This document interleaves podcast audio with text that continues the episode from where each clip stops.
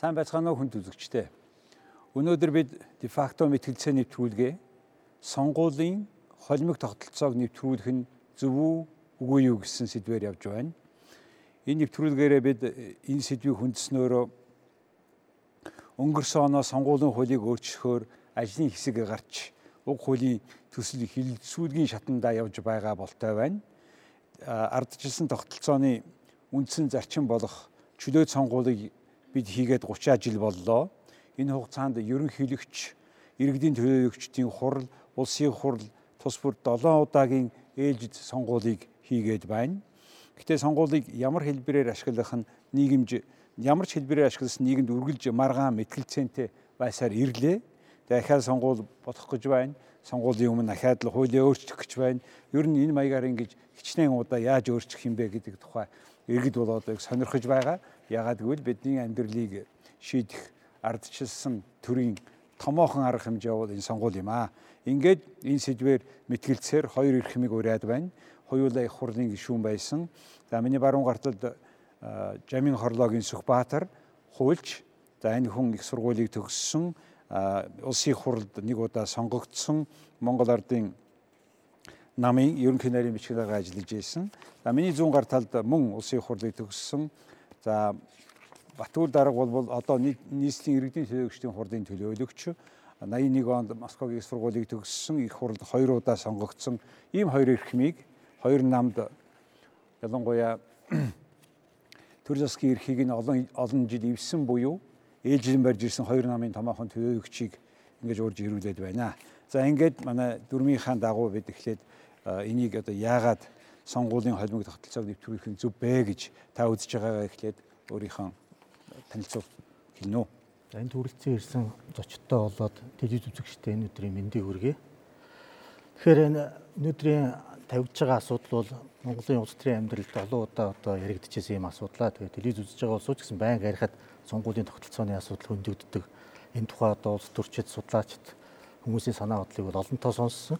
Тэгээ товчхоо хэлэхэд 1992 онд бид нэр анхны одоо хуулиа батлаад сонгуулийн явуулсны дараа нэг нам одоо тухайн үед бол 70 судал 70 гаруй судалтай болж тэр цагаас эхлээл тэрний сонгуул болсны дараачаас эхлээд одоо тухайн одоо сөрөг хүчний зүгээс нийгэм олон нийт судлаачдын зүгээс бол сонгуул явуулсан арга одоо бас шүүмжлэлтэй байгаа тухай хөндөгдөж ирсэн. Ягаад гэвэл тэрнээс өмнө улсын баг хурлыг ардын хурлыг байгуулахдаа бол харьцангуй одоо намуудын авсан саналыг тооцох профессионал элементээр ингэж сонгож байгуулсан учраас улсын баг хурлд бол тодорхой улс төрийн хүчнийдээ харьцаа тэнцвэртэй дүү байсан. Тэгээ 92 онд их зүйлийг хүмүүс хүлээж исэн байдаг. Тэгээ яг тэр одоо нөгөө одооны явж ирсэн магистраар буюу олонхын энэ сонгуулийн тогтолцоогоор бол сонгуулийн намуудад шилжүүлж үзэх юм бол авсан санал нь бол хоорондоо уялдахгүй байсан. Тэгээ тэр цагаас бол маш олон удаа хурал хийж одоогийн сонгуулийн тогтолцоогоо бол профессионал болгох тухай ч гэдэг юм ингээ яригдж эхэлсэн. За ингээд Наашаа ярих юм бол хамгийн дөрвтэй томоохон яригдчихсэн асуудал бол миний одоо мэдхий 2004 оны сонгуулийн дараачаар нэгдсэн үндэсний байгууллагын хөгжлийн хөтөлбөрөөс одоо санхүүжүүлээд оюун гишүүн нарын одоо улсууд судлаачид оролцоод судалгаа хийсэн байдаг. Тэгээд энэ судалгаагаар бол Монголд аль сонгуулийн тогтолцоо одоо зүйтэй юм бэ гэсэн. Ингээд нэг нь бол мажоритар нөгөөх нь пропорционал За ингээ холимог систем гэдэг үндсэн 3 төрөлд дотроо задрахтай 300 төрөлд хуваагддаг гэж ярьдаг. Тэгэхээр ийм юм дээр судалгаа хийж үзээ судлаачд бол холимог систем бол Монголын нөхцөл тохирох юм байна. Яагаад гэвэл мажоритар системийнхаа э, одоо уламжлаж ирсэн зүйлээ аваад дээр нь одоо энэ Европын жишээ, бусад орны жишгээр энэ намуудын одоо иргэдээс авсан саналаар нь судал хуваарлдаг. Энэ аргыг хэрэглэх юм бол Монголын нөхцөл тохиромжтой гэдэг. Ингээ явсаар байгаад одоо сүүлд одоо бид нэр 2011 онд 2008 оны 7 сарын тэр нэгний одоо эмгэнэлт явдал бий болоод тэгээ хоёр нам бол зөвшөлтслөөр гэрээ одоо хийхдээ бол үндсэн хуульд өөрчлөлт оруулна, сонгуулийн системийг боловсронгуй болгоно. Айл болохоор нийгэмд бол зөвшөлтслийг хангана, нийгмийн зөрчилдөөнтэй уур амьсгалыг сонгуулийн тогтолцоогоор засах зүйтэй гэсэн.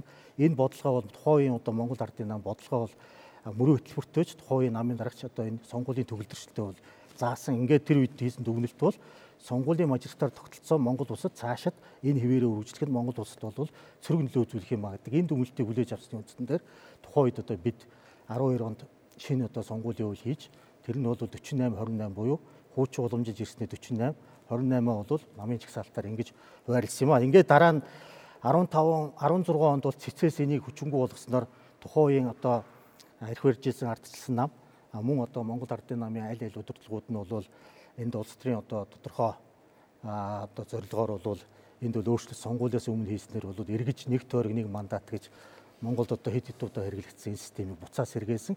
Одоо өнөөдрийн одоо улс төрийн амьдрал болж байгаа энэ харах юм бол нэг нам нийт суудлын 80 гаруй хувийг дангаараа авцсан. А сонгогчдын бол дөнгөж 50 гаруй хувийг одоо авсан байх жишээтэй. Ингээ уйлдахгүй байдал ингээ үүссэн байгаа. Энээс улбаалаа үзэх юм бол бид эргээд одоо 12 онд хэрэгэлсэнтэй сонгуулийн холимог тогтолцоогоо илүү сайжруулах замаар тухайлах юм бол хаалттай чагсаалт хэлбэрээр биш миний одоо хувьд бол хийж хэрэгжүүлж бас судалж ирсэн үний үед хэлэхэд нээлттэй чагсаалтын хэлбэрээр иргэд намуудын чагсаалтыг оруулаад энэ дотроосоо дэмжиж байгаа одоо нэр дэвшигчдийг сонгох хэрэгтэй байх энэ өөрчлөлтийг дэмжиж байгаа. За за та яагаад энийг болохгүй гэж үзэж байгаа? Болохгүй гэж үзэхээс өмнө нэг зүйлийг зориод анхааруулж тодруулж хэлэх ёстой гэж бодож байна. Ялангуяа ногоо намын дарга бомбайлагчинд сууж байна. Би одоо болтлоо иргэд болон намууд түрүүн жаргал сайхны хэлбэгчлэн яг сонгуул баврын өмнө сонгуулийн үйл өөрчлөлт байгааг ердийн зүйл гэж хүлээж авдаг болцоод байгаа нь үнэхээр одоо уг нь ноцтой асуудал юм байна. Яг үнэндээ бол өөрөөр хэлбэл сонгуул бүрийн өмнө сонгуулийн тогтолцоог өөрчилж байна гэдэг нь ирэх барьж байгаа нам өөрийгөө сонгуулах гэсэн тогтолцоог хайгаад байна л гэсэн үг. Яг үнэндээ бол тийм ээ. Ирэх мэтлээ сонгуулийн тогтолцоог өөрчлөх замаар өөртөө ашигтай байдал бий болгох гэсэн оролдлого. Гэтэ Аз болоход бол нөгөө сонгогчд оролцсон сонгуул гэдэг өөрөө нөгөө статистик өгөгдөл дээр байдаг ийм магадлалт зүйл учраас нөгөө тэр өөртөө ашигтай тогтолцоог барьж авч чадахгүй байгаа байхгүй юу? А бариад авч чадсан бол аль хэдийн аюул болох байсан. 30 жил нагил намд сонгогдох байсан. Тэгэхээр энэ ийм одоо бүр улаан цайм одоо сонгогч бүгдийг өөрийнхөө өөртөө ашигтай тогтолцоогоор санал авах гэсэн энэ ийм илтэд оролдлогыг бол бид хүлээн зөвшөөрөд ердийн зүйл гитсэн өнөөдөр мэтгэлцээ сууж яах гэдэг бол уг нь энэ бол их бодмоор асуудал. Маш их бодмоор асуудал. А би зүгээр машарта тогтолцооны төлөө яагаад байдг вэ гэхээр гурван шалтгаан байдаг. Уг нь бол Сүхбаатарын түрүүний ярьдаг тэр холимог тогтолцооны руу шилжих ажлын хэсэгт би орж ирсэн. Сүхбаатар бид нар ороод Тэгээд тэр ажлын хэсгээр бид юу гэж зарчим гаргаж бусад намууд хэлжсэн гэхээр энэ хоёр намын одоо хоёр намаас бусад нам нь энэ төрийн эрх мэдэлд оролцож чадахгүй нэ. Тийм учраас бусад намаад оролцуулахын тулд хоёр намын тогтцоо руу шилжиж ихэд тэр үед бол яг үннийг хэлэхэд бол хачирхалтай нь тэгж өөрчлөлт хийж яхад нөгөө одоо юу гэдэм да гадаа байсан намууд бүгд эсэргүүцэд болсон. Өөрсдийн оруулъя гэд тогтолцоо өөрчлөх гэж байхад бүгдээрээ эсэргүүцээд болсон. Тэр их хачин юм болсон юм байна. Бүр тайлбарлах гэж нэлээд болсон даа угаасаа. Тэгэд энэ та нарыг л оруулах гэж ингэж байгаа юм шигтэй гэсэн чинь битээ худлаа яриад л гэл ингэж байсан. Гэтэ яг л орсон шүү дээ дараа нь бол тийм ээ. Яг тэр тогтолцоогоор бол тий тэгээд орсон юм болсон. Аа мажоритар тогтолцооны нэг үндсэнтэй зүйл байдаг. Хэрвээ мажоритар тогтолцоо гэдэг нь олонхын тогтолцоо байгаагүй байсан бол өнөөдөр намынхаа даргын өдөөс ч юм уу намынхаа өдөөс үг хэлээ сууж их хурлын гишүүн гэж байхгүй байсан. Яг үнийг хэлэхэд бол намын нам бол гишүүнээ бүрэн даран болох байсан. Хоёрдугаарт бол их хурлын гишүүд бол иргэдтэй биш намдаа үйлчлэх байсан. Намын даргадаа л үйлчлэх. Энэ сонгуулийн тэр иргэдийг сонгогчдыг бол авч шилжчихгүй. Яг тэгвэл намын дарга нь жагсаалтыг шийдэн тийм ээ. Тэгээ намаар сонгол өгөх учраас бол иргэдийг бол ер нь хинч тоохоо бил гэсэн. Ийм аюул байх байсан. А гуравт нь бол сонгуулийн мажоритар тогтолцооны нэг сүрхий юм нь бол яг нэлээд их одоо эрсдэл дагуулдагч гэсэн яг үнэндээ бол их хүчтэй хоёр улс төрийн бүлэг рүү шахдаг. Их хүчтэй хоёр улс төрийн бүлэг рүү шахдаг. А пропорционал системийн нэг аюултай юм нь бол улс төрийн задралыг маш хүчтэй болгодог. Тийм учраас энэ өөрөө тийм аюултай. Ер нь бол жишээ нь Карл Поппер мэтийн одоо нээлттэй нийгэм гэдэг энэ чиглэлээр маш их одоо хүчтэй дуулаа гаргажсэн сэтгэгчд бол хоёр намын хүчтэй хоёр намын тогтолцоо нь бол илүү их тогтвортой улс төрийг бий болгоход үр дүнтэй байсаа л гэж ярьдаг л да. Гэхдээ нээлттэй. Яг бол хоёр нам бол бие биенээ хямд учраас нээлттэй байсан. Тэр утгаар нь л ярьж байгаа юм. Тэгээ би дахин хэлье. шууд намуудын дарангуул тогтооё гэвэл одоо бид намуудын удирдлагт эрх мэдэл өгсөн тогтолцоор бол орчих гээд байна л да. Иннээс л их болгоомжлж байна. За та саяын зүйлд хариулт. Энэ дээр Монголынхаа онцлог нөхцөл байдлыг харах бол бид нэр сая одоо таны зүгээс хэлсэндээ 7 удаа сонгуул боллоо гэж. Бид нар долууланд нь мажиртаар одоо давмгайлсан юм уу мажиртаар дан мажиртаараа ингээд сонгуулийг явуулсан. Энэ хугацаанд намууд маань бэхжсэн үү гэдэг асуулт. Өнөөдөр сонгогчийн нүдээр харах юм бол бид нар хэд хэдэн нүдээр харах хэрэгтэй нүдээр мөн одоо намын өнцгөөс нөгөө талаас төр улсыг засан төхнүүлэх тэр гэсэн одоо бодлогоос нь харах хэрэгтэй. Ингээ харах юм бол бид нэг нам шиг намтай байна гэдэг асуултыг өнөөдөр олон түм асууж байна шүү дээ. Энэ сонгуул сонгогчийн хувьд бол асууж байгаа энэ нам улс орныг удирдах аваадах нэг тулхтай нөгөө тогтвортой бодлоготой сахилгатай хариуцлагатай энэ улсыг аваад хүний нөөцтэй байна уу? Тэгээ дотроо нэг хариуцлага тооцож чаддаг тэр хэмжээгээр төрийн асуудал ч гэсэн хариуцлагатай байж чадах уу гэж асууж а нөгөөх асуудал нь бол сонгуул маань нэг лойвргүй яваас нэг боломжийн аятайхан сонгоо гаргачих юмсаа гэж ингэж харж тэгэхээр энийг маань нөгөө энэ 7 явсан сонгуулийн мажистрат системийн систем чи эсэргээрээ одоо нам дотор сахилга хариуцлага байх намд нэгэн цахилгаан хариуцлага дотроо байхгүй юм чинь төрд гараад цахилгаан хариуцлага байхгүй. Төрд гарсан хойно дур дурын улсууд одоо нэг тойрог нэг мандатан дээр явахдаа одоо аймагуудыг харъя л да нийслэлийг харъя. Ялангуяа аймагуд дөө. Аймагуудад 2 3 одоо нөхөр сонгогдоо гарлаа. 2 3 бүлэглэл тэр аймгийг хүний нөөцийг тарамдуулж нэг намын улсууд мөртлөө. За тэр сөрөг хүчний бий орхи. Ингээд тэр аймгийг эзэн ноён феодлууд шиг одоо ингээд ийм эзэгнээс суучиж. Тэгээд миний тойрог гэж үздэг. Тэгээд намтайгаа ярихаараа миний бодлого илүү чухал гэж ярьдаг ингээд төсвийг чангааж जैन тэгээ тэрэнд ирсэн улсууд манд улсын төсвийн нэгдсэн бодлогыг эвдэж जैन улсын нэгдсэн хөгжил ярьж чадахгүй яг нуулгүй хэлэхэд бол одоо үзэгч түмэн ч гэсэн олон удаа сонсож байгаа яг энэ их хуралд чинь бол илүү хөөцөлдгөөтэй одоо улс төрийн жин нөлөө одоо хэлхээ холбоос үлбэгээр энэ 20 гишүүн бол хөрөнгө оруулалтыг үеэс үед л одоо өөрийнхөө тойрогт илүү тавилдаг. Тэнд гол нь тэр гишүүний одоо нөлөө лобби гэдэг зүйлийг шийдвэрлэх үзүүл. Энд бол аргаа бараад хэлсэн шүү дээ. Тухайн үед одоо 2007 онд ардын намын дарга болсон баяр дарга сонгуулийн төгөлдөртөө хэлсэн. Ерөөсөө энэ манай улсын их хурлын гишүүд чинь болвол энэ Улаанбаатар хотод ирж одоо тодорхой тойрогтой юм авах гэж нервийн ажил хийж байна. Тэгээ энэ эд зүйлээр татах ажлыг эргүүлээд тэр сонгогчтой одоо худалдаа авах ийм зүйлийг хийж байна. Тэгээ намын ч гэсэн хариуцлага тооцож чаддаг. Тэгээ бид нар юу гэж амддгүй хөр сонгуульд мөрөө хөтөлбөр гаргаад намын нэрээр нэр дэвшдэг. Тэгээд ард түмэндээ манай нам ингэж хийнэ гэдэг болохоос биш. Сүхбаатар Батүл хоёр ингэж хийнэ гэдэг буруу юм байна гэдээ бид сүүлд сонгуулийн хөлөө өөртөө. Яг ийм байдал та юу шийдэх гэж байна. Тэгэхээр саяны Сүхбаатарын хэлж байгаа зүйл бол намын төлөвшил бол сонгуулийн тогтолцооноос болсон юм биш ээ. Энийг бид одоо ойлгох цаг болсон гэж бодод яг үндэ одоо Сүхбаатарын хэлж байгаа үгэн дотор намын одоо гişүүдтэйгээ их хурлын гişүүдтэйгээ иргэдийн төлөөлөгчдөд нам нь хариуцлага тооцож чадахгүй байна гэдэг чинь намын захиргааг тогтооё л гэж хэлээд байна шүү дээ. Ингэхгүй бол болохгүй л гэж хэлээд байна шүү дээ. Яг одоо намын бүх намын дарга нар одоо мажоритар тогтолцоонд их дург байт. Үгүй пропорционал юм холимогт юу мажоритар тогтолцоонд. Яг доктор нөгөө гişүүд нь ард иргэдэд төлөөлчөөд байдаг. Одоо юу гэдэм дэ үгийн сөрч чадаад байдаг байхгүй юу? Шийдвэрийн сөрч чадаад байдаг. Хэрвээ профессионал байсан бол тэгж огт чадахгүй. Яг тэгвэл тэр гişүүд чинь дараа нь сонгогдохын тулд эхний ээлжин тойргийнхаа эрх ашгийг бодоод байдаг. Энэ нь намын дарга нар хизээд дургүйсэн. Яг тэгвэл намын дарга би тэгтээ нэг зүйлийг энд зориуд хэлээ л да. Яг үнийг хэлэхэд өнөөдрийн энэ одоо улс төрийн энэ дорой хөтлийн ялзарлын уг шалтгаан бол сонгуулийн тогтолцоо гэхээс илүү энэ уул уурхаан баялаг үнд орсноос л болсон. Та нар уул уурхаан баялаг үнд орохоос өмнө намууд хизээ чи юм байгаагүй. Бодлого ярьдаг байлаа, бас хариуцлага тооцдог байлаа. Олон төмний нийгмийн төлөө юу гэдгийг ярьдаг ус. Одоо бол үндэ намууд бол илүү их тийм эд баялагын төлөө өрсөлдөнд тэмцэлж байгаа бүлгүүд бол хуваагдсан. Тэр нь орон нутгад очиж яваар гэсэн шүү. Тэгэхээр уул уурхай баялаг үнд орсон, уул уурхай баялаг булаацалж байгаа үйл явдал болоод байгаа шүү. Яг үнд. Тэгэхээр мэдээж энэний буруу зис өөрөө биш байх те. Эсвэл нүүрс ч юм уу. Энийг тэгж болгоод байгаа тэр шалтгаан юу юм? Та ингэж хэлж шít. Тэр намын төлөвшил чинь сонгуулиас хамаардаг юм аа. Намаас өөрөөс нь хамаар. Намын яг юу нь болохгүй байгаа учраас нөгөө намын гişүүд чинь ингээд эд баялаг хөөгөө явчих ба. Тэгэхээр зэрэг яг үнэндээ бол улс төрийг бүхэлдээ үйл явц. Энэ талаар бол одоо гадны судлаачид маш их анхааруулсан. Монголын арчлал их амжилттай явж байгаа шалтгаан нь азар Монголын нүүрс зис нь үнд орохгүй байна гэж 2000 он үед бичижсэн. За энэ үнд ороодох юм бол Монголын явж байгаа энэ улс төр бүгд хазаагаад явна шүү гэж.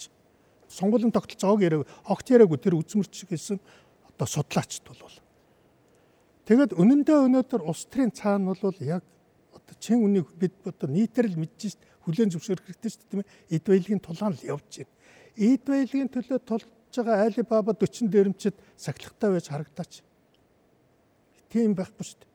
Тэгэхээр бид нар ч ардчилсан нэмийг барихтаа яг одоо төр засаг гэдэг систем шиг аваа явчна гэж бодсон чинь та баялагын үн нэмэгдмэгц ийм хэврэг байх болчлоо гэж юм те. Тэгэхээр ингүүлээд байгаа тэр дотоод шалтгаан юу юм? Яаж тэрийг бид зогсоох ёстой? Тийм учраас өнөөдөр бол сонгуулийн тогтолцоогоо өөрчлөхөөс илүү улс төрчдтэй хариуцлах тооцдог тэр механизмаа сайжруулах ёстой шүү дээ. Тэр юу байх вэ? Яаж? Би одоо тэрийг жишээлбэл одоо ярьдаг зүйл нь хоёр танхимтай болёо. Өөрөөр хэлбэл улсын хурлын гишүүд болон засгийн газрын энэ одоо улаан цам хууль зөрчил үйл ажиллагаатай хариуцлага тооцдог ийм танхимтай болёо л гэж шаарддаг. За хоёр танхим. Ер нь бол энэ ярианы сэдв жоохон хэтэрлээ л гэхдээ л аргагүй ирхэн. Та яаж харж энийг? Яг гоо саяны нэг зүйлтэй санал нийлэхгүй зарим зүйлтэй нь санал нийлж байгаа. За юутай санал нийлэхгүй вэ нөхөр сонгуулийн тогтолцоо намуудын төлөвшөлт бол яг шууд одоо хамаарахгүй юм шиг ярьж байна. Яг эсэргээр л дээ. Сонгуулийн тогтолцоог дангаараа улс орны нийгэм улс төрийн амьдралд шууд нөлөөлөх хүчин зүйл гэж байна. Доктортой байдал жишээ нь. Жишээлбэл холимог системийг бид рүү 12 онд хэрэгэлснээр бид нэр 2008 оны сонгуулийн эмгэнэлт явдлыг давтахгүй байдалд орсон. Яагаад гэсэн бэ гэхээр тухайн мажоритар тогтолцоон дээр 20 мандат нь нийслэл дээр байсан. Тэгэхээр тэр үе 14 мандат нь ардын Монгол ардын хувьсгалт намаас тусдаа бусад хүч авсан. Тэгэхээр тэр үеийн нийслэлийн сонгогчдын сэтгэл зүйн амьсгалаар бол угаасаа нөгөө ардын нам ялахааргүй байсан одоогийн. Гэтэл яг тэр системээр бол тэнд ялагдсан уу ялагдсан. Гэтэл одоо хотод нөгөө хүн амаа харгалцахгүй байгуулсан дээр тойргоос 56 мандатаас цаанаас нь нөгөө 39 одоо нэр дэвшигч маань ялаад ороод ирсэн. Ингээ ирсэн зөрчил үүссэн. За ингээ холимог систем 12 онд хийснээр үл яасан гэхээр иргэд хүсэл зоригоо илэрхийл аль аль намууд нь тодорхой намынхаа авсан саналаар аваад хуучин уламжил тэр одоо сайн зүйлүүдээ аваад ингээ хийсэн тэр доктортой байдал нөлөөсөн нөлөөсөн Украин шиг явдал гараагүй. Дампуурд үргээгүй. За ингээд энийг орхич. За тэгээд сонгуулийн тогтолцоо бол дангаараа нөлөөсөөс гадна шууд хоёр юмтай уялдаа албаут. Нэг нь сонгуулийн тогтолцооны үйлчлэл бол засаг төрийн одоо үйл ажиллагаа дээд байгууллага засгийн газрын их хурлын үйл ажиллагаа шууд орсон нөлөөлдөг. Нөгөөх нь намын дотоод асуудал. Сая хин Батул Баатрын хэлдгээр бол тэр намын хариуцлагын тухай ярьж штэ өөрөө эргээ төлөвчлийн асуудалтай хамаагүй гэж байна. Харин эсэргээр нам ер нь жоохон сахилгатай хариуцлагатай байх цаг болсон. Хариуцлагагүй намтай тэр дураараа дөргсөн тэр одоо айлын хөвгтдээ хүн итгэж юм аа ер нь ярих хэрэгтэй юм. Тэгэхээр саяны над яриад байгаа тэр баялагын асуудал бол яг угтаа хүмүүс харах юм бол энэ шуналтай холбоотой гэж хэлж шít. Гэтэл яг тийм учраас хүмүүс хувийн шуналтай сонирхолтой байдаг учраас бидэнд баялаг их байна. Энэ шунлын бүлгүүд хоорондоо өрсөлдөж байна. Тэгэхээр энэний зогсоохын тулд жухамдаа юу гэдэг төрийн эрх мэдлийн хяналтын тэнцвэр. Тэрний үхэ үр бүтээлтэй сөрөг хүчин хариуцлагатай олнох. Тэгээ энийг чинь сонгуулийн тогтолцоогоор дэмжиж өгөх гэдэг байхгүй.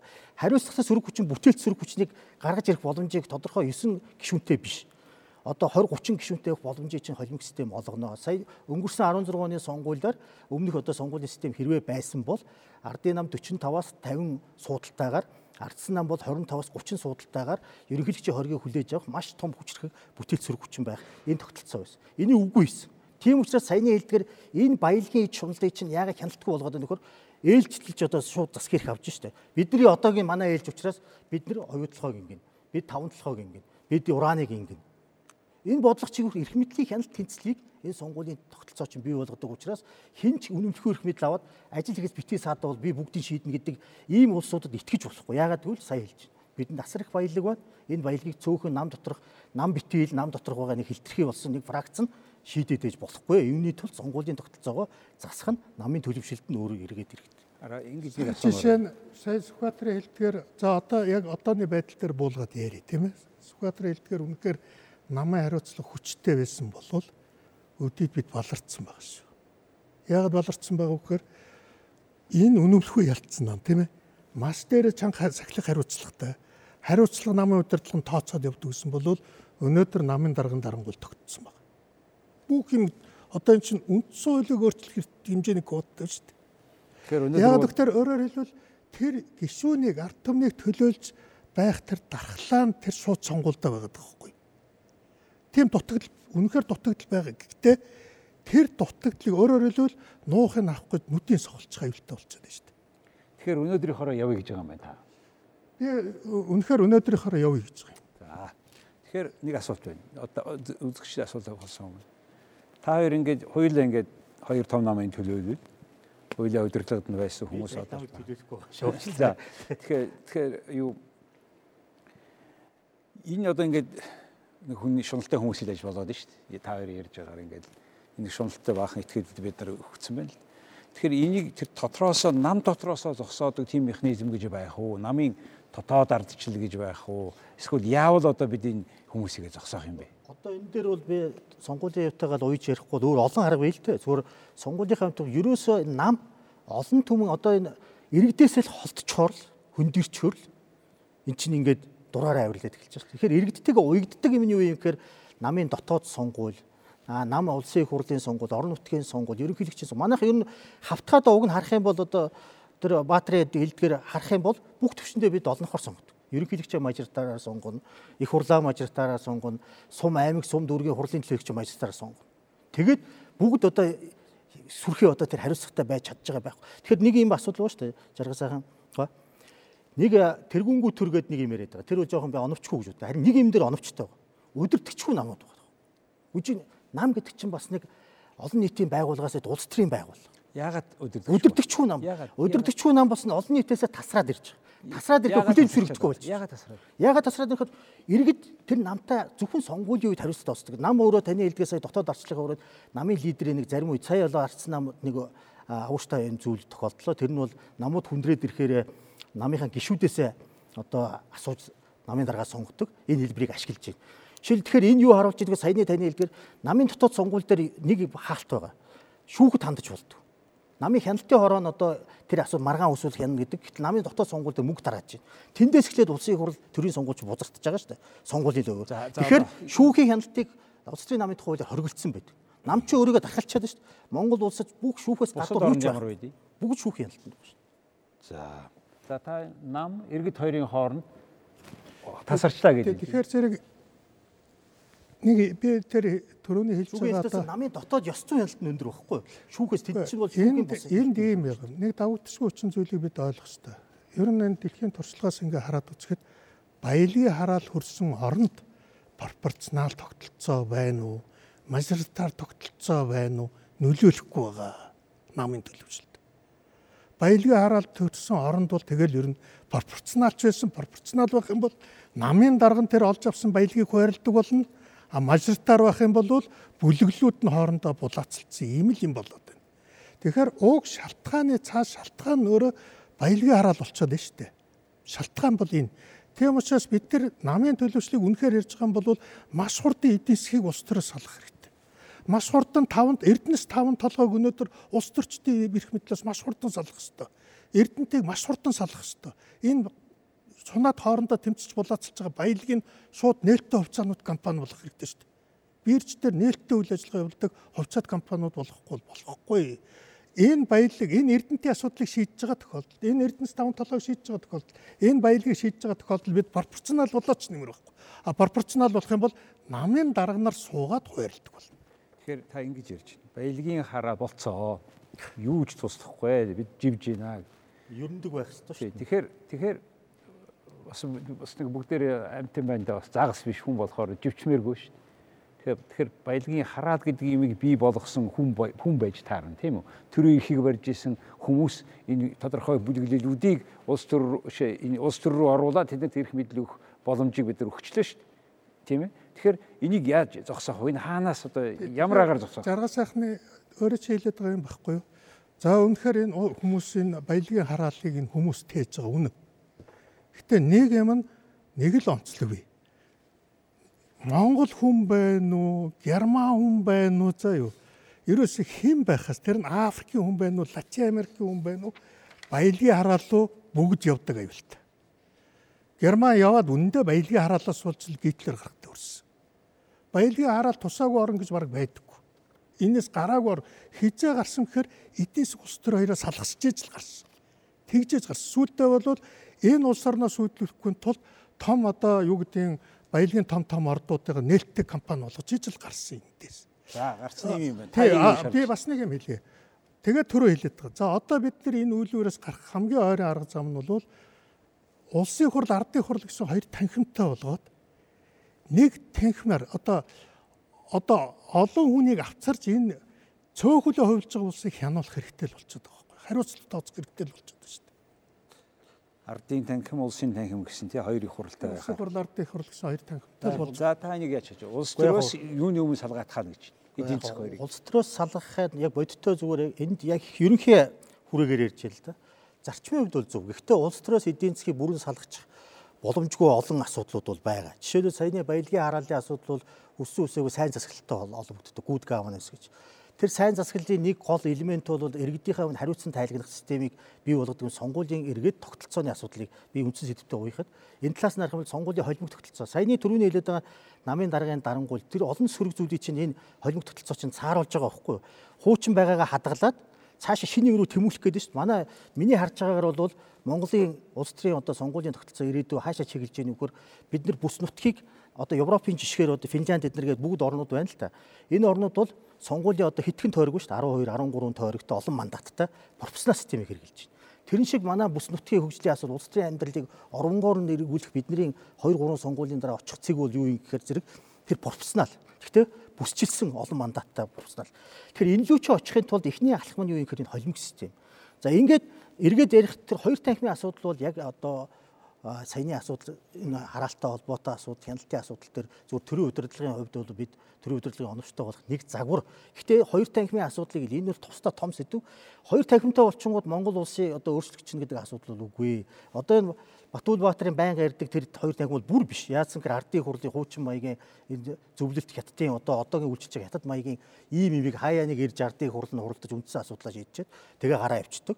Ийм байж болохгүй ш. Тэгээ тэр нэг оцтой юм байна 330 сумаас сурдын төлөөлөгч ирнэ, аймагудаас ирнэ гэдэг бол мөнхийн энэ бидний одоогийн цэцгэраа нэгжийн шинтгэлийг саад бол.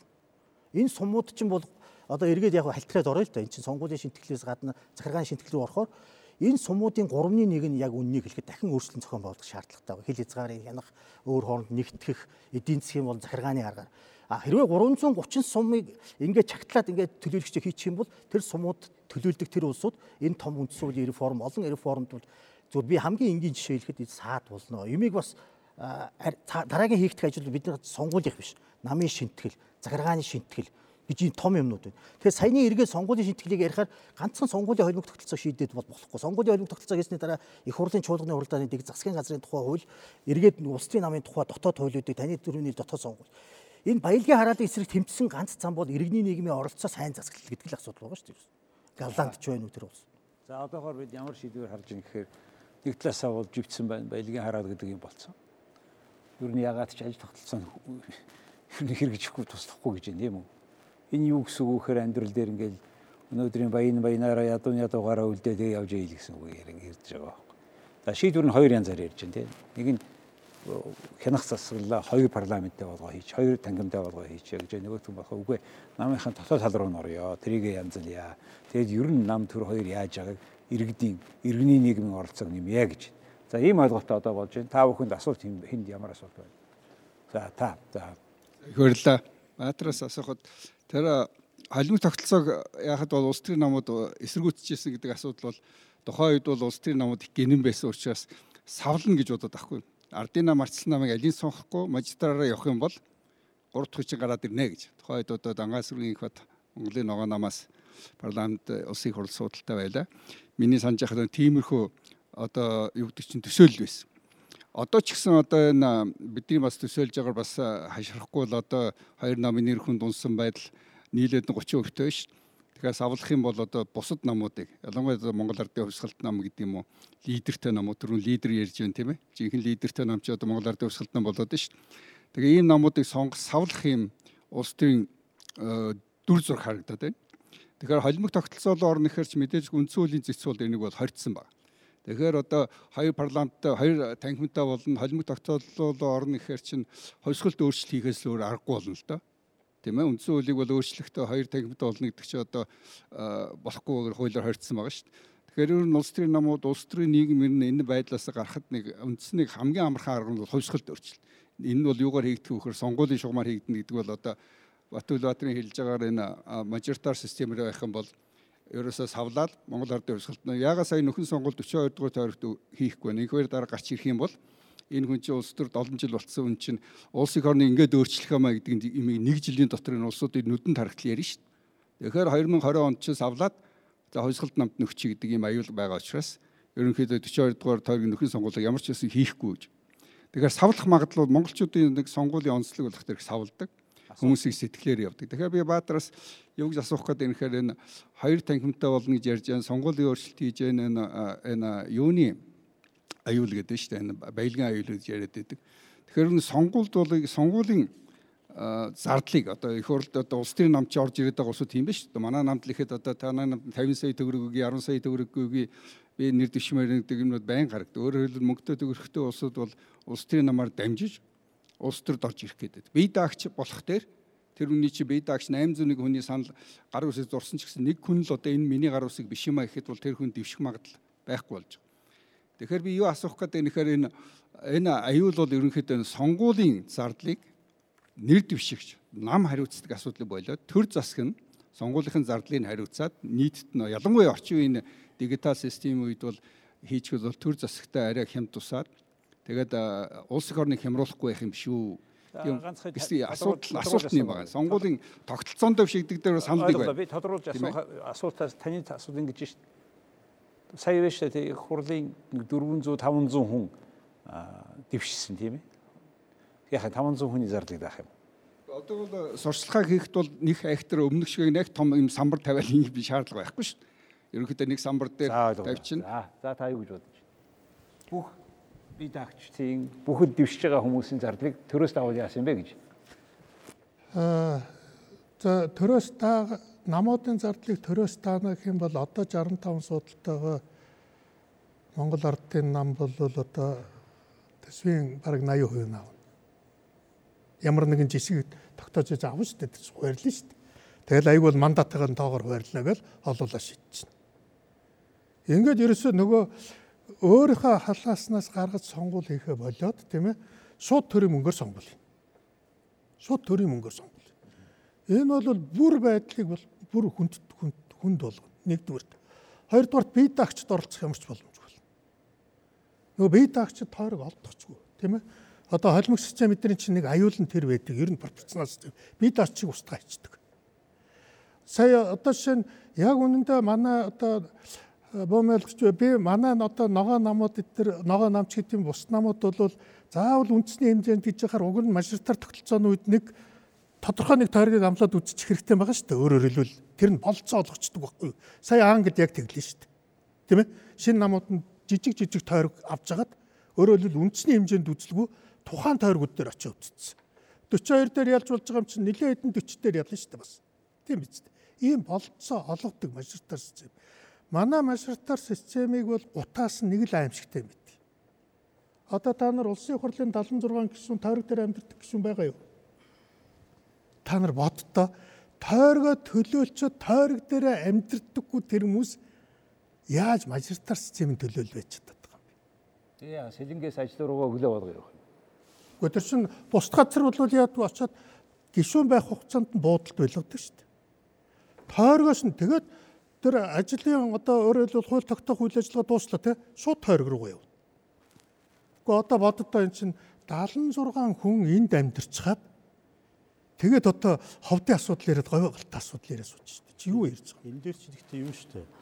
Энэ мажистарын чинь гол төлөөлөгч нар нь яг ямар улс байна вэ гэхээр яг олон Африкийн улсууд ороод явахаар олон улс болчихдээ. Яг бодиттой төлөөлөгч нь Европт бол Британи л байгаа. Ер нь бол. А тэгээд Хойд Америк дээр Канада, Америк энэ итгэх Австрали гэдээ болоо явчих. Тэгэхээр эдгээр чинь бядтай байхгүй. Ардчлал гэдэг чинь бас үн өртөө хөлс шийддэг.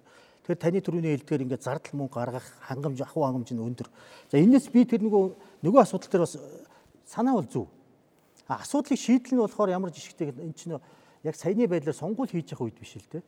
Сонгуульд бол зардлаа өөрсдөө босгоод ингээд сонгуульд оролцдог. Харин харин харин сонгогчдын 10-аас дээш хувийн дэмжлэг юм уу авсан тохиолдолд компенсацууд өгдөг.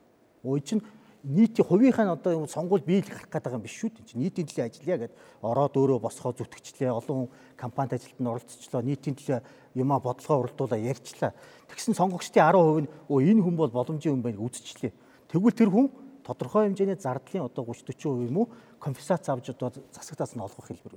Энэ бол маш шудраг. Энэ бол Европт бол өргөөр хэлж байгаа асуудал. Сонгогдоогүй ч гэсэн сонгогдоогүй ч 10%-аас Тий. дээш авсан хүмүүс одоо жишээ Герман одоо тодорхой хэмжээний зардлыг өгж шээ. тий. Тэр чинь тэгж тэгж өгчөөж энэ энэ сонгууч хайр найргүй дуэл болж бие биенийг ялцсан бүгдийг аваад ялагдагч нь хогтно гэдэг энэ чинь хувь хүмүүсийн тулаан биш байхгүй.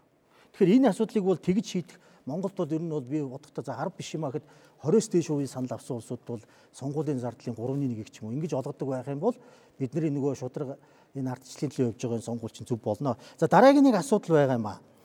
Энэ савлдаг тухай одоо Батул Баатар маань ингээ яриад байгаа. Энэ холимог систем чинь чухамдаа энэ олон юмны чинь жин банкыг тааруулах гэдэг юм аа. Тухайлбал би дагчийг устгадаг гэж сая түрүү хэлж байгаа. Үгүй л дээ. 12 оноос 2012 оны сонгуульд 11 нам а 3 эвсэл үү 2 эвсэл ороод 3 бие дагч гарсан байдаг. Ард ардсан нам чинь 31 суудалтай, ардын нам чинь 25. А тэгээ иргэний зэрэг ногоо нам чинь 2, шудрагс эвсэл чинь 11 суудалтай. Ингээ 3 бие дагч. Саяны нэг тойрог нэг мандатаар яав. Саяны 16 он дээр чинь хоёр нам битүү мөнгөний сүлжээ хийж сонгуулийн дөөврийн төрийн мэдлийг авах гэмтэрэг штэ. Энийг мөнгөний сүлжээ хийх одоо Улаанбаатар одоо хэргийн Зэнгэргийн тохир шүү дээ манай Өвлбаатар чинь нэг тойрог нэг мандаттай болгох намын бүлгийн урлагийнх нь юм цахим сүлжээн дээр тавигдсан. Зүтгэсээр байж энэ системийг хийсэн. Тэгээ энэ системийн үр дүнд яасан гэсэн би дагч нэг бусад намууд байхгүй. Тэгээ яас нэг нам 80% төлөвлөлтөө. Одоо ингээд дотроо өөрсдөө нийгмийн зүгээс төлөвлөж чадахгүйсэн сөрөг хүчингүү дотроо харин сөрөг хүчтэй болцсон. Ийм алиа байдалд орчоод хариуцлагагүй тайлбар хийж чадахгүй юм гэсэн үг байна. Тэгэхээр зэрэг би нөгөө мажоритар системийн давуу талыг нөгөө талдаа хилээд байгаа л гэж би зориуд хилээд байгаа. юм. Яг үндэ мажоритар систем намуудад болцоо тавиад байхад ашиглаагүй явдлууд гарсан. Жижиг намууд ашиглаагүй ийм явдлууд гарсан. Ийм явдлууд гарсан. Гэхдээ яг одоо би намуудын өмнөөс хэлж мэдэхгүй байна яг бол. Гэтэ яг нэг тойрог А яг үннийг хэлэхэд бол юу гэдэг одоо Доронтын нэг тойргийг хариуцаад тийм ээ. Доронт аймаг дээр одоо гурван гишүүнээ дэвшүүлээд үзэн ч гэдэг юм уу тийм ээ. Одоо гой балтаад үзэн ч гэдэг юм уу. Ийм фокслоод үзсэн үзсэн явдал ерөөсөө гараагүй байхгүй. Үндэсний хэмжээнд л бижигнэдсэн. Үндэсний хэмжээнд бижигнэх юм бол энэ жижиг намууд бол энэ том хоёр намыг дийлэхгүй. Яг гэвэл энэ хоёр шиг үндэсний хэмжээний сүлжээ байхгүй. Сүлжээ байхгүй. Та тэгээ энэ Би дахиад- өөрчлөснийг одоо юу гэж бодож байна? Зөв юм хийсэн гэж бодож байна.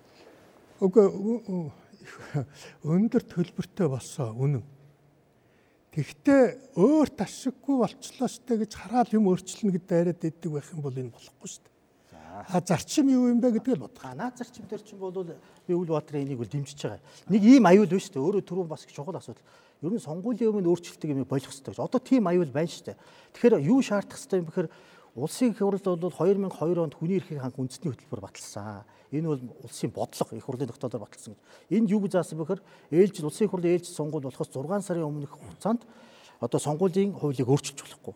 Энэ бол Монгол улсын иргэдийн сонгогчдын одоо энэ хүмүүсийн эрхийг хамгаалах хамгийн тодорхойгүй байдал үүсгээд огцом хийгээд бусад намдаа боломж олохгүй сонгогчтой бэлтгэлгүй гэж оруулдаг.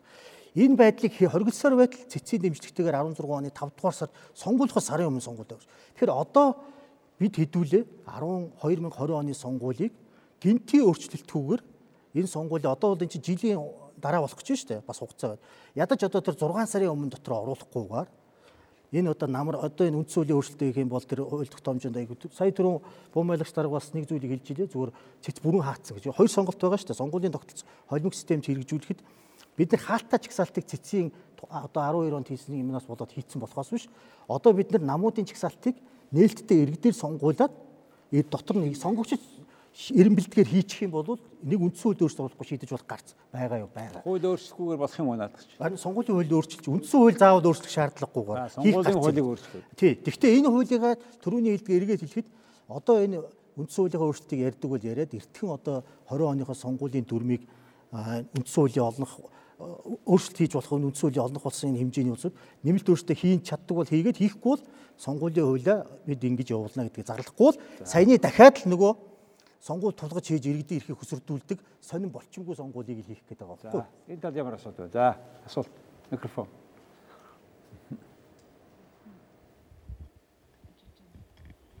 Бүгдд нь орой минь За хоёр мэтгэлцэж байгаа талуудаас ийм асуулт байна. Та түрүүн нэрсэн жагсаалтсан дурдчихлаа тий. Аль аль талд нь а хэрвээ холимогоор явна гэвэл намууд нэрсэн жагсаалт үлдэж байгаа манад хаалттай байгаа шүү дээ тий. Энэ хаалттай байгаа явдал нь холимогоор хийсэн тохиолдолд улам нам доторх эрх мэдэлтэй цөөн хідэн удирдах албан тушаалтнууд намын дарга тойрсон бүлэглэл үүсэх нөхцөл болж байгаа юм шүү. Э, энэ сөрөг талыг та юу гэж харж байна? А нөгөө талаас нөгөө талаас болохоор хэрвээ можиртаараар явна гэвэл тойрог болгон дээр очоод вант улсын эзэн шиг харизматик тий ийм нөгөө тухайн аймгаа бүр ингээ эзэмшчихсэн юун өөр нам байтгаа бидагч орох боломжгүй одоо сая манад яг бодис шөнүүд багш нэг засаг дарах хэрнээ бүр улсыг хурлаахаа шийдвэрээс давж гарсан юм эрх мэдэлтэй болчихсон. Тэрийгэ буцаад нам нь ингээ хумгаач чадахгүй байгаа. Энэ сөрөг талчаа ахаад л нөгөө намын цөөн хідэн өдөр намдаа захирагддаггүй мөн ялгаагүй юм хүмүүс би би болчихно шүү дээ тийм. Энэ та ямар хариултах вэ? Тэгэхээр энэ хаалттай чагсаалтын үед бол эхний үед бол Европч бас профессионал систем шилжихийнхаа өмнө бол шилжиж эхэлсэн эхний элемент бол хаалттай чагсаалт л та. Тэгээ хаалттай чагсаал бол яа харахгүй намын удирдлагын иргэн тойрны улсууд бол эхний одоо чагсаалтанд бичигдээ тэр хэвээрээ сонгогдож ирсэн. За тэгээ энээс зайлсхийх одоо аргыг судалж бодож байгаа түрүүний хэлдэг нээлттэй чагсаалт. Нээлттэй чагсаалтыг мэдээж нам доторх эзлэгчийн нөлөө байдлаараа өссөн үсээг улс төрийнхөө яваараа эренбэлэгдэнэ. Тэгэхээр тэр нь мэдээж тухайн намын лидерийн одоо хүрээнд байгуулагдсан удирдах зөвлөл гүйцэтгэх зөвлөлийн улсуудын нэлээд нь орж таарна л та. А инглээ гэхэд сонгогч тэрийг эренбэлчиж байгаа байхгүй. Эренбэлч олон янз байна шүү дээ. Тэр дотроос нэг нэг хоёр гэж дугаарлаж байна. Эсвэл дугуйлж байна. Ингээ ирэхэд сонгогч тэрийг шийдээд ирэхээр намын дарга хэрвээ одоо буруу одоо юу гэдэг иргэдийн хүсэл зоригт нийцээгүй дэмжлэг авахгүй хүнийг санд болгох юм бол эвгүй байдалд орж. Яасан гэхээр тэр чагсаалтыг өөрчлөх эрх мэдлийн сонгогчдод очиж байгаа байхгүй. Тэгэхээр саяны харин хэлдгээр намын даргын удирдлагын эрх мэдлийг сулруулж байгаа. Энэ холимог системийн гол юм нь болохоор бүх системийн сөрөг имийг ингэж багасгаад сааруулад эерэг зүйлүүдийн тодорхой хэмжээгээр нэмэгдүүлж өгч байгаа. Аль нэг систем төгс биш учраас чухамдаа холимог систем энэ замнуудыг хийж өгч байгаа байхгүй. Тэгэхээр таны саяны хэлдэг байдал бол тодорхой хэмжээнд саагч байгаа. Дүрмээр хийх гэж гин үү? Эсвэл намын дүрмд хийсэн илүү үр дүнтэй юу? Эсвэл сонгуудынхаа хуульдаа тавих уу? Эсвэл үндсэн хуулийнхаа сонгуулийн хууль. За та сая асуултанд хариул да. Тэгэхээр манад тий манад бол уг нь намууд одоо их хурлын гишүүдтэй юм уу төлөөлөгчтэй хариуцлага тооцно гэж ярихаас илүү бид нэр иргэдэн хариуцлага тооцдог тэр тогтолцоог дагуулж өгөөг. Тийм ээ өөрөөр хэлбэл тойрогод болгоо хуваацсан. За тэр тойрог дээр одоо гишүүнийг эргэж иргэдэн татдаг. Жишээ нь 100000 хүн санал одоо иргэдэн цуглууллаа 100000 гаруй хэсэг тутлаа парламент оруулаа тэгтэн парламент иргэд татдаг. Сая англи тэгчлээ шүү дээ тийм ээ татчлаа шүү дээ эргүүлээд. Тэгэхээр зэрэг ийм зүйлийг хийж өгөөгүй бид нар машинтаараа жоохон боловсронгуй биш ашиглаад байгаа юм. Төрөний хилдэгдэг тойрог дээр амьдрдаггүй тийм ээ. Одоо өөр газраас өөр хүн төлөөлөд идэг. Тэр тойргийг төлөөлж тойрогт амьдрах ёстой байтал хаамаагүй өөр нутгийн хүн тэр тойргийг төлөөлөд идэг. Тэгээ энийг одоо бол хийхгүй яагаад? Үгүй хэлээч одоохоо. Аа энийг тухайн үедээ бас хийх тухай бол уг нь их хурл дээр яригдчихсэн юм аа. Яригдчихсэн. Их хурл дээр ярьжсэн. Nii ялангуяа энэ баялагын хараал хөрөх нь байна шүү гэж яг хэлж ярьж явах үедээ ч их хурл дээр ярьжсэн. Тэ мэ? Иргэд татъя. Тэгэд үндэ яг дийлэг үндэ. Одоо юу гэдэм бэ? Энийг олонх нь хүлээж аваагүй. Гэтэ одоо бид энийг бол одоо намууд ингээ сонгуулийн хууль өөрчлөлт тухай ярьж байгаа үед харин бид нэр одоо бусад намууд иргэд цуглаад одоо тэр татдгийг оруул тий? Хэрвээ магистратаар байх гэж юм бол мөн үү? Тэгэд би дахиад нэг юм хэлье. Ерөн сонгуулийн тогтолцоог яаж ч оролдоод бид нэр шүү дээ? Энэ энэ уул уурхаан баялагийг маш хурд улс төрчдийн гардаас салахгүй болвол үр дүн гарахгүй. Тэгээд Эдгээр чинь харин саяны энэ магистрат системээр явж ирсний эмд чинь энэ систем наманч жонхуураад сонгуулийн одоо сонгуулийн өөртөө автаад бүр хэвийн үзэгдэл болоод олон сонгогч бас энд хамжаад мөнгө авдаг хүн элсүүлдэг регистрээ бүртгүүлдэг энэ юм чи өөгшүүлээд ингэ яваад байгаа. Энийг эвдэх намын чиглэлээр эвдэх ажлууд байна.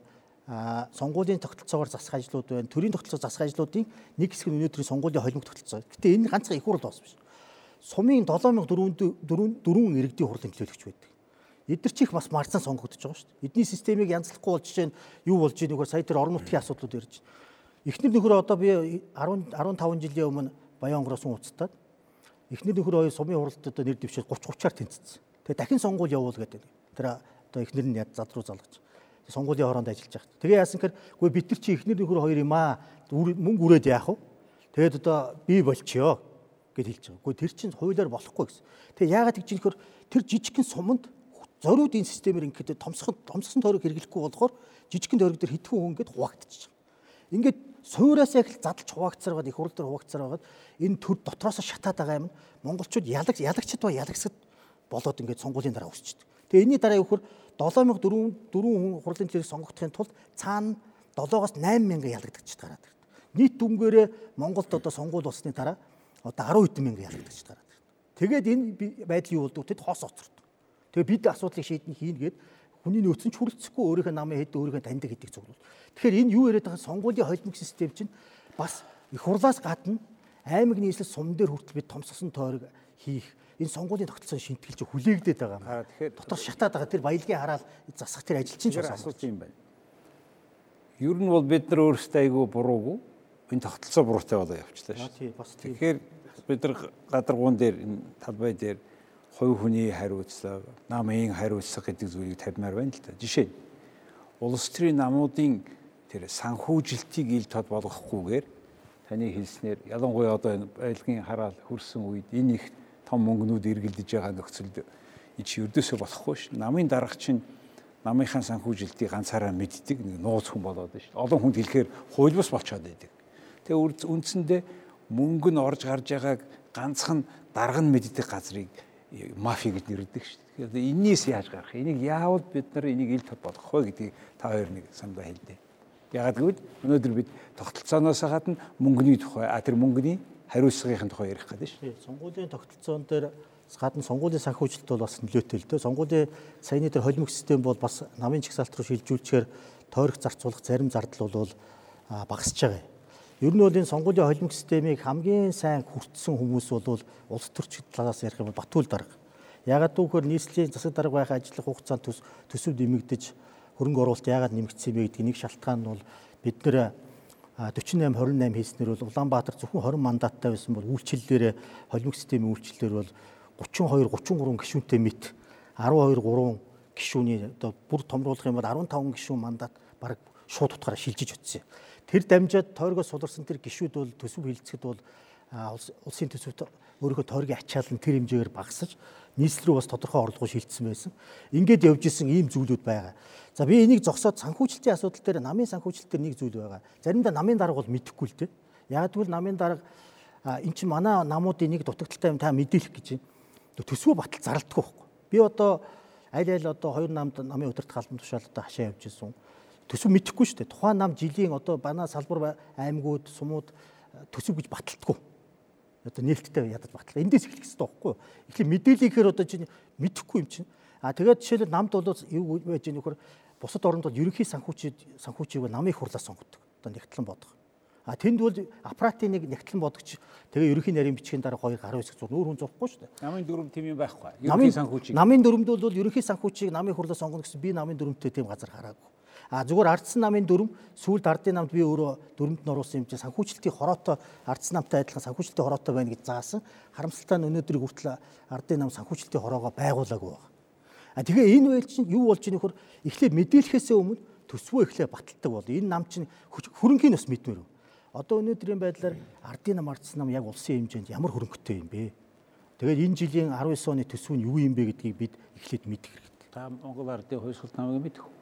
Би одоо аль альнд нь удирдлагад ажиллаж байсан нийт хэмжээгээр мэдэхгүй шүү дээ. Тэгээ та мэдэхгүй болохоор хэм мэдэх. Тэгээ би харин тэр ажиллаж байсан. Манай нэгтлэн бодогчдод нууцын ерөнхий нарийн бичгийн дарга харилцдаг ус яг сүүл төвсгөлт намынхаа юунд ажиллаж байхад бол сонгуулийн үед бол мэдэж байсан. Яг сонгуул болохоос өмнө.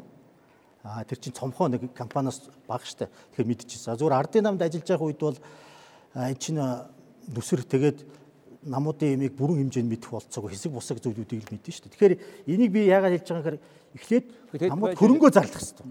Хөрөнгөө зарлах. Намд ер нь өөрийнхөө хөрөнгөийг мэддэг хүн байдаг юм аа да. Гэхдээ мэдээж хэрэг нэгтлэн бодох чинь үндсэн хөрөнгөний тайлгнаж байгаа аудит өгж байгаа үндсэн одоо тайлан бол байгаа шүү дээ. А яг тэрний хэлдгээр яагаад болохгүй нөхөр? Тухайн жил жилийн энэ нам зарцуулахад яг батлагдсан төсвийг гаргаад харуулъя гэхэд хин ч харуулж чадахгүй болохгүй. Тэр чинь шил тод болохгүй байгаа шүү дээ. Одоо Тэр намуудын вебсайт руу орохоор та нар ямар тайлан Тэр байгаа ил тод биш болчхоор чинь ямар зүгээр зардлууд харагдаад байна нөхөр? Татварын байгуул бусад байгуул нийгмийн даатгал татвартай байгаа урсгал зардлууд байрны одоо түрээс тэгээд цахилгаан байрны дээр зардлууд хинч мэдэхгүй а бусад зардлууд хаанаас орж гарч гарч байгаагаа ч мэдэхгүй байгаа юм байна л да. Та юу гэж бодож байна? Сая намын санхүүжил, танай намын санхүүжил одоо Одоо нэг юм мэддэг юм бэ? Ямар хөрөнгөтэй гэдгийг одоо би жишээлбэл нийслэлийн ардсан намын дарга өнөөдөр хэлж чадахгүй би мэдэхгүй л байл. Нийслэлийн ардсан нам ямар хөрөнгөтэй юм бэ? Энэ жилийн одоо жишээл байдлаар одоо ардсан намын дарга Ер нь бол намын санхүүжилт ил тод байх хэвээр. За бүр түүгээр барахгүй одоо тэр ил тод байдал нь бол байнгын хяналтанд орох хэвээр ч гэдэг юм уу. Уг нь энэ их энгийн ойлгомжтой зүйл. Яг үүндээ намын санхүүжилтийг хянахгүй жиж нам үндэсний аюул байдалд ямар аюул эрсдэл учруулж байгааг хэн хэлж чадах юм бэ ер нь? Тийм биз дээ. Хэлж чадахгүй шүү дээ. ямар гээд- ямар нэгэн гаднаас санхүүжилт аваад одоо тий. Тэгээд юу хийхийг бүү мэд. Тэгээд та яг харин тэгээд тэхэн зөвөө гэж хэлж ин л та. Гэхдээ тэрийг зөвийг гэж байгаа. Тэгээ хамгийн гол нь Гэхдээ одоо бол тэр байгаа хуулийнхаа өрөнд энд нэг юмыг ойлгох хэрэгтэй л да. Би тэрийг гол нь яриад байна. Асуудлын бид өнгийн яриад байна, хэлбэрийг яриад байна. Асуудлын уг шалтгаан бол жишээлбэл би одоо зүгээр шууд хэлье тийм ээ шууд хэлье. Өнөөдөр одоо намын хариуцлагыг дээшлүүлээ, намын удирдагчийн хариуцлагыг чангадахыг гэж байна. Өнөөдөр намууд бүгдийг ижилсэн. Олон нийтийн телевиз радиогийн хуулийг хараад тус байдлыг хангасан хуультай. За олон нийтийн радио телевиз та нар хараад тус байдаг гэж бодож байна уу? Яалаа гэж шалуудлаа шүү дээ. Энд чинь намынхаа гарч явдсан шүү дээ. Энэ хоёр намын гарт. Үнэн шүү дээ. Одоо сүүлдээ шүүх, прокурор одоо ерөөс юутэй хэвээр нийцэлж байна. Одоо дээрэс нь бид нар удирдахчин заа чи гişүүдээ ястаа ташуурдаад өгөөрэй гэдэг юм тавьж өгөх гэж байна. Өөрөөр хэлбэл бид тэнд байжсэн нэг алдааг засах гэж хагаад энэ ерөөсөө альва дарангуул дандаа энээс үүссэн байхгүй. Тэр зүйл их муу байна. Энийг их сайжруулъя. Нэг ухаантай мэрэгэн удирдахчийг гаргаж ирэх гэдгээс болоод бүх юм болорсон. Хариуцлага тооцъё гэдэг үг явсаар байгаад хил хязгаараа давангуудаа дарангуул болж өрдөг. Тэрнээс би айгаад яриад байна. Батулгаа онцны хувьд ойлгож байна. Нөө Өнөөдөр танай нам яг хаанаас санхүүжилдгийг ямар хэмжээнд улсын хэмжээнд байдгийг та хотынхын даргынхын хэмжээнд нэг тодорхой тийм баримжаа байна. Өөтэй тэр чи гişүүдийнхаа татвараар санхүүждэг, гişүүдийнхаа хандваар санхүүждэг. Энэ нь одоо ямар ч байсан хуулийнхаа дуу тайлагнаад явж байгаа. А би одоо бол би бол намын дарга шүү. Би тийм учраас одоо бол намын дарга. дарга тийм тайлангийг гаргаад вебсайт дээр тавьсан тийм юм байх уу? Гэхдээ тэр чинь сонгуулийн хороо моронд гаргаж өгдөг. Угаасаа сонгуульд нэр дэвшүүлэх хэрэг олж авахын тулд заавал тайлангаа гаргаж өгдөг. Тэгээ сонгуулийн хороо ягаад нуучдаг юм болов? Нуудгүй. Тэрийг сонгуулийн хорооноос асуу. Нуудаг шүү. Үгүй вебсайт Excel дээр хэдэн хэд хоног байж байгаад айгүй худлаа баахан иргэдийн тоо тавиад тэр хүн 3 сая өгсөн тэр компани 10 сая өгсөн гэдэг нэг сар орчим байж байгаа алга болчихсон шүү дээ. Ийм байхгүй. Намуудын гаргаж байгаа тайлан гэдэг чи одоо гүйлгээ хийсэн элдэж болдог гэхээр ийм зузаан ийм одоо ийм 2 3 ийм ботин байгаа. Тэгээ тэрийг чи гаргаж тавина гэж байхгүй. А тэгэхээр нийлбэр дүнгээр нэг баталгаажуулсан юм хэд наач тооцоогоо гаргачаар 2 3 нүүр ийм хүснэгтэй байгаа. Тэгээ тэр хүснэгтийг л танилцуулах бол. А түүнээс бусад оронд бол сонгогч хэрвээ хүсвэл сонгуулийн ороо орж ирэхэд нь харин тэрийг гаргаж ирээд хуулан бичлэг хийж харж үзэж болдог. А бусдаар бол тэр чинь яг ерөнхий хүслэгтэрээ л тооцсон. Намын тухай хуулинд сонгуулийн дараа сарын дотор энэ тайлангаа гаргаад тэгээд хараат ус аудитор шалгуулад тайлангаа тавина гэсэн заалт байдаг. Энийг та энэ аль Монгол улсын түүхэнд байгаа аль ч улс төрийн нам яг хараат усаа шалгуулад энийг нөө дээд шүүх нь хариуцна гэсэн заалт байлаа шүү. Аль нь ч хийгээгүй ирсэн. Тэгэхээр энэ хийгээгүй байсан. баян аудит хийлэгч тавьдсан шүү дээ. Аудит хийлгэж Тий жил хуультай. Аа тэгээд ерөнхийдөө бусад намууд бол хийлэхгүй. Дээд шүүхээс бид нар асуудаг. Ягаад та нар бусад намуудаас шаардахгүй байна гэхээр бусад намуудаас шаардах үүрэг бидэрт байхгүй дээд шүүх хариулж байгаа шүү. Жил болгон хийгдэх ёстой. Нэг жилийн одоо 2 сар ихэд хийгдээд олон манай одоо вебсайтынхаа бол манай намын аудитын тайлан байж байгаа скэнерт. За Таны хэлдэг нээлттэй болох намын- тусдаа асуудал. санхүүжилтийн ихэнх нь хаанаас гардыг? Ер нь Бах хурлын гишүүд нь гарна. Манай намын санхүүжилч 12 сая төгрөг. Намын дараа нь 3 сая. Бусад гишүүд 1 1 сая. Германы Намын гишүүдээс бид нар татрах. Манай нам чи хатуу гишүүнчл байхгүй шүү дээ. Зөвхөн намын удирдах халдмшаалд байгаа улсууд нь намаа санхүүжүүлж авч явдаг. Энэ систем бол Монголд одоо 3 сая хүнтэй ийм намд улсад бол энэ систем зөв юм байна. Улс төр сонирхоод байгаа улс төр өвчлөөд байгаа улсууд нь тэр улс төрийн ажлыг хийгээд өөрсдөө санхүүжүүлээд явахлахоос биш. Жирийн иргэдээс одоо гишүүн болгоод мөнгө нэхэд тэгэд бас тэднийхээ өмнө үүр хүлээгээд явах нь очир дутагдaltaй гэж бид нар үзэж байна л. Илээд ардчил хөгжсөн Германд бол жишээ нь улс төрийн намуудын санхүүжилтийг гурван хэсгээс бүрддэг гэж хуулийн дээр байл. Нэг нь болохоор тэр гишүүдийнхэн орлогоос түүний дотор нөгөө төр засгийн албанд шалд очисон хүмүүс нь илүү мөнгө төлд юм бэл. За нэг талаас нөгөө талаас төсвөөс өгдөг. Төсвөөс өгөхдөө тэр байгууллагууд тэр намуудынх нь өөрсд бас нөгөө хүмүүс хандив өгж байгаа шүү дээ. Яг энэ гурвыг яг 33% байхаар зохицуулж энэ том байвал төрөөс том өгдөг. Тэгээ энэ болохоор энэ аль нэг нь тийшээ хөдлөгчхөөр тэр нөгөө багассан талыгаа тоодгүй болчдөг юм а гэж улс төр ер нь Германы парламент дотроо улс төрийн намуудыг хариуцсан хилцсэн үед юм байна. Энд дээр тэгж ярьж ирсэн. Тэгэхээр за одоо бид нар цаг хугацаа дуусчихин. Тэгэхээр өнөөдөр бидний яриа маань сонгуулийн тогтолцооноос гадна мөнгөнд байна.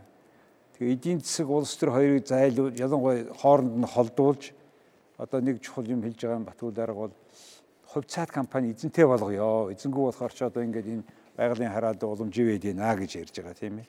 А нөгөө талаас үгүйгүй намынхан тэр цотордлын ардчлалын илүү явъя, анхаарыг, тайлангаа илүү болгоё гэсэн ийм ийм хоёр ойлголтойгоор өнөөдөр бид энэ аль тогтолцоон шилжих вэ гэдэг асуудлыг ярьж дуусчих шүү дээ. Тэгэхээр одоо бид нар одоо нэгдсэн дүгнэлт хийгээ за одоо энэ зүв юм аа, энэ зүв юм аа гэж одоо хэлэх ямарваа нэгэн одоо тийм нэгдсэн ийм ойлголтод та бүхэнд одоо хөрснө үгүй юу гэсэн асуулт хийж байна. Тэгэхээр ингээ яг саяын өнөөдрийн ярианаас одоо энд байгаа хүмүүс дотроо тэгэд аль наманд ярив. За холимог гэсэн надад гараа өргөөд а дараа нь мажоритар гэсэн гараа өргөөд эсвэл зөвхөн пропорционал байна гэсэн гараа өргөв. За эхлээд Батгүй дарга хэлж байгаагаар одоогийн байгаа буюу мажоритар систем нь илүү юм байна гэсэн хүмүүс юм байна. Нэг ганцхан юм байна. За. За пропорционал систем буюу энийг одоо дэмжиж байгаа хүн юм байна. Пропорционал системийг холимгийн дэмжиж байгаа хүн юм байна. 2 3 за 4 за холим пропорционалд дуурахгүй байна. Холимог дээр те ерөнхийдөө энэ одоо яг энэ нэг цагийн туршид ажигласан хүмүүс маань ийм санал бодолтой байгаа болохоор зурагт үзэгчд маань бас тэгж харж ийнэгүй юу. Ямар ч гэсэн бид нар алийг сонгож авах нь одоо яг нэгдсэн нэг дүгнэлтэнд иргэдийн хувьд хөрөхгүй л байгаа юм байна л. А ямар ч гэсэн сонгуулаас өмнө хэрвээ хуулиа өөрчлөх юм бол таны сая ярьсан маягаар өөрчлөө гэдэг санал гарч байна. Гэхдээ сонгуул болохоор төгөөр л өөрсдөө ашигтайгаар намаас би өөрийгөө сонгох вариантыг сонгоод байна. Энийг ердөөсөө болоо гэж Батүр дарга ярьж байгаа.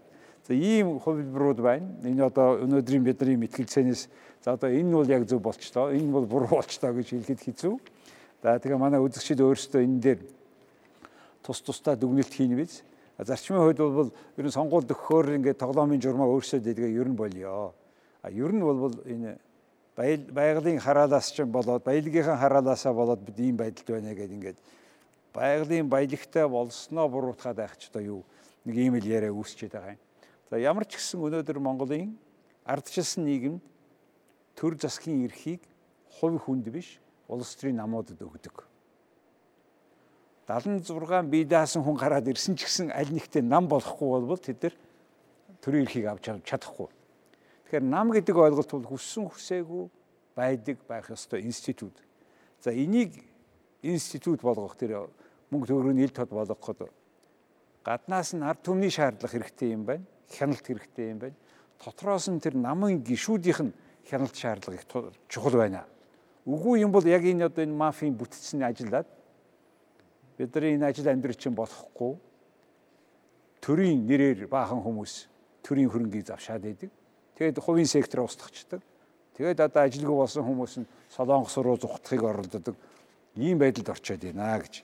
Тэгэхээр өнөөдрийн манай нэвтрүүлгээр бид энэ энэ холимог тогтолцооч одоо зөв юм уу буруу юм уу гэсэн маягаар ярьлаа шүү дээ. Тэгэхээр ямар ч гэсэн бид ийм мэтгэлцээнийг эхлүүлж байна. Мэдээж энэ удаан явагдана хүн болгон оролцох хэрэгтэй.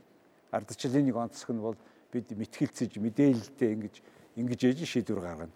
Түүнээс аль нэг хүн гаргаж ирээ том дарга гэдэг тэр хүний шийдвэрээ явдггүй ийм замыг сонгоцсон учраас бид энэ мэтгэлцээнийг хийж байна. Ингээд өнөөдрийн манай мэтгэлцээнд оролцсон хоёр хүндэт зочиндоо талархаж байна. Их баярлалаа тань. Их баярлалаа тань. Манай нэвтрүүлэгт оролцсон хүрэлцэн ирсэн ирж ирж байгаа зочид байгаа их баярлалаа. Тэгээ та бүхэн өнөөдөр нэг цагийн туршид манай нэвтрүүлгийг үзсэн бүх үзэгчдэд талархаж байна. Дараагийн дефакто мэтгэлцээ хүртэл баяртай. Их баярлалаа.